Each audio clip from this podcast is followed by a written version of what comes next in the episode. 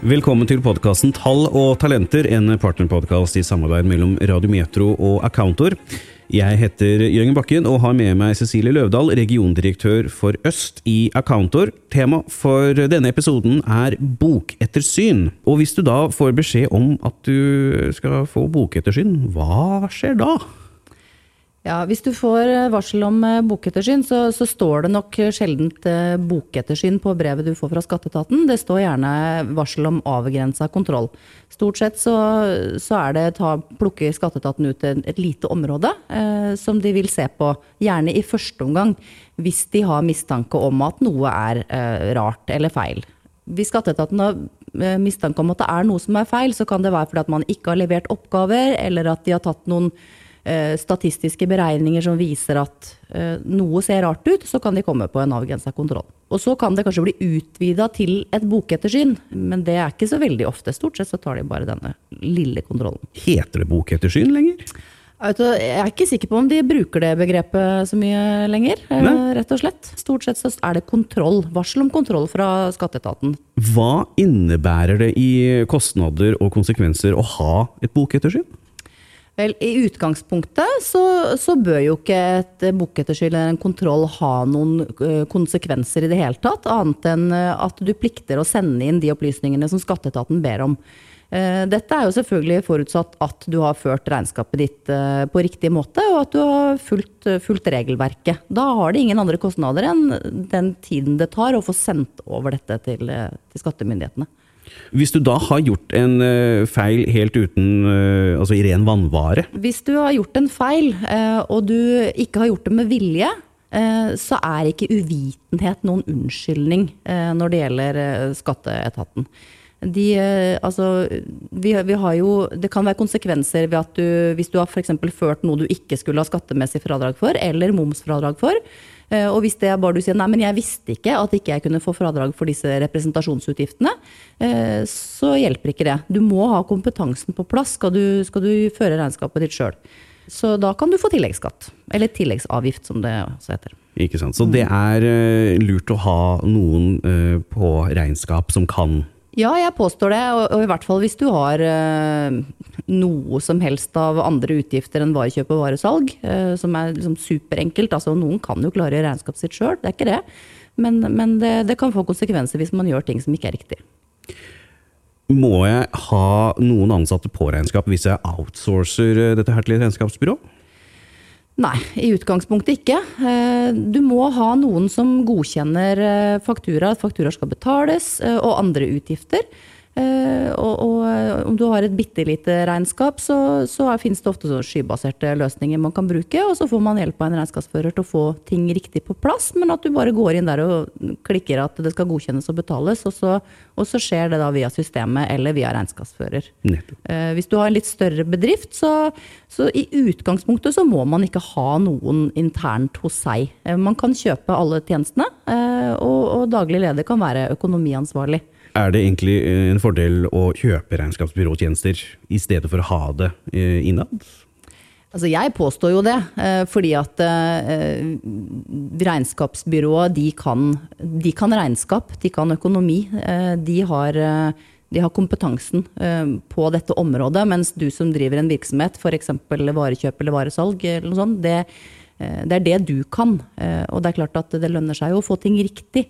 Eh, men i tillegg til det så er det jo mange andre fordeler med å, med å outsource regnskapet sitt. Eh, det er jo selvfølgelig dette med fagkompetansen, men også det at hvis du Enten hvis du har ansatte, eh, de kan bli syke, de har kanskje ikke den samme oppdateringen på fag og lover og regler som, som regnskapskontoret har. De er jo regnskapsbyråer er jo pliktige til å oppdatere seg.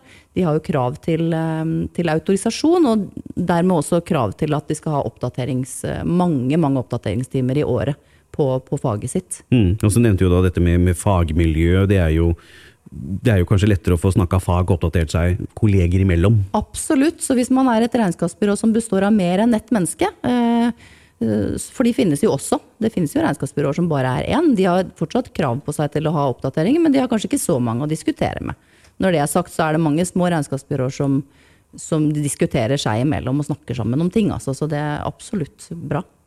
Kan du si noe om hva små og mellomstore bedrifter må tenke på kontra store selskap med tanke på eh, regnskap og kostnader?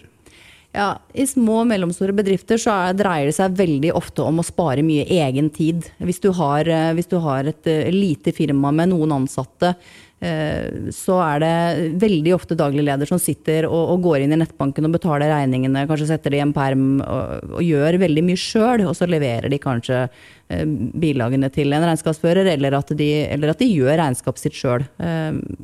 men hvis man overlater dette til et regnskapsbyrå når man er en liten bedrift, så sparer gjerne daglig leder eh, mye tid sjøl. Eh, og det er vel kanskje det viktigste der, hvis, hvis det er såpass små bedrifter.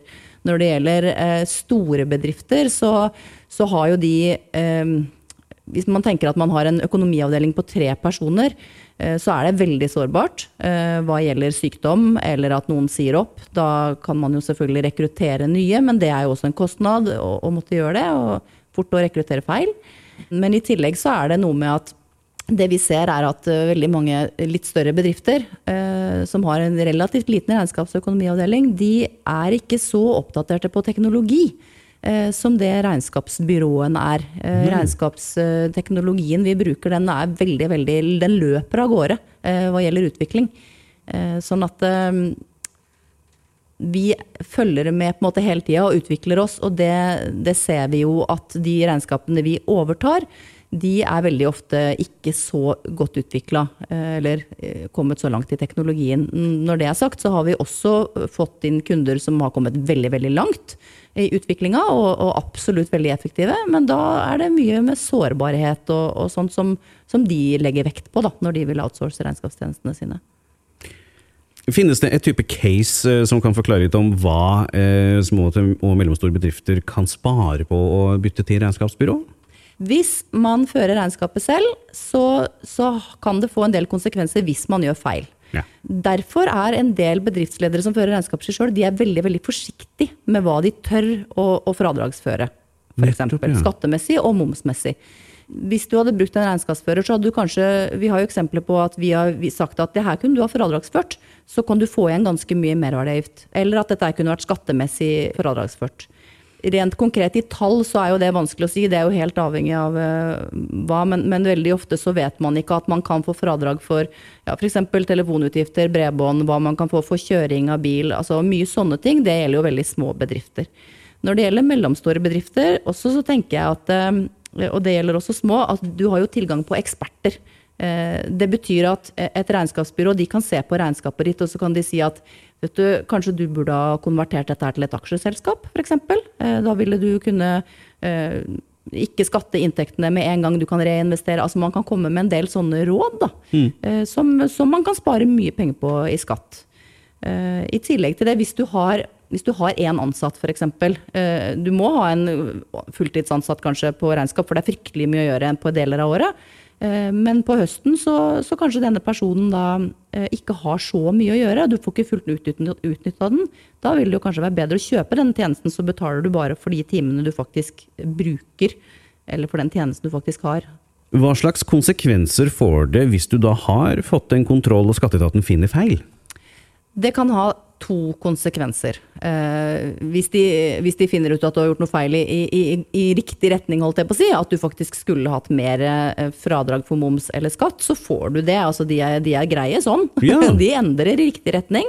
Eh, men hvis, du, hvis de endrer i feil retning, så er det to ting. Det ene er eh, tilleggsskatt som man kan få. Og det kan man få selv om man har gjort ting i god tro bare fordi man ikke visste. Nettopp. Eh, det kan man få, og denne avgiften, eller tilleggsskatten, den er fra 20 til 60% avhengig av om du har gjort det slumsete, eller om du har, eller om du har gjort dette eh, uaktsomt. Eh, så det er tre, tre, satser. 20, 40 og 60. Så med vilje så kan du ende opp med en 60% Da kan du ende opp med 60% og hvis du da har faktisk med vilje fradragsført 100 000 for mye moms, så må du faktisk betale 160 000 kroner. Den, det er mye. Den svir. Den svir.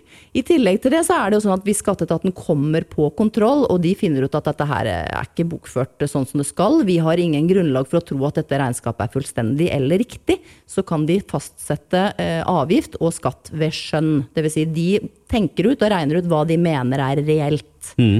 Eh, og det, er jo, det kan være litt kjipt. for å si det sånn. For det kan være ganske mye høyere inntekter enn enn det dere faktisk har hatt i virkeligheten. Og da må du jobbe for å argumentere for å få den inntekten ned igjen, for å si det sånn. Mm. Ikke sant. Til slutt, hvem trenger revisor?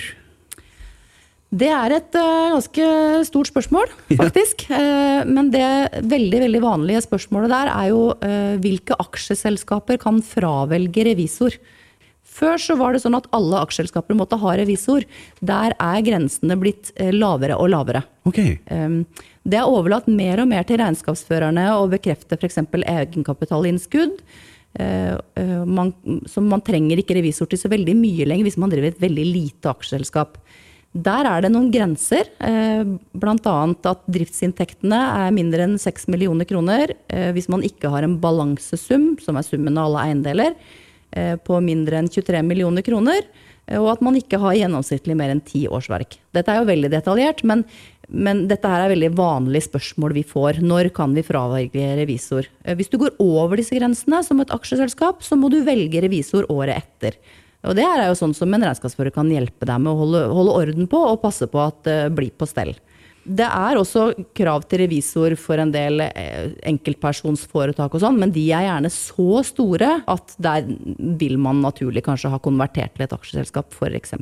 Hjertelig takk til Cecilie Løvdahl, regiondirektør for Øst i Accountor, eh, som da har satt oss inn i fallgruene ved å da ikke benytte regnskapsbyrå for eh, små og mellomstore bedrifter. Dette har vært podkasten Tall og talenter, en partnerpodkast i samarbeid mellom Radiometro og Accountor.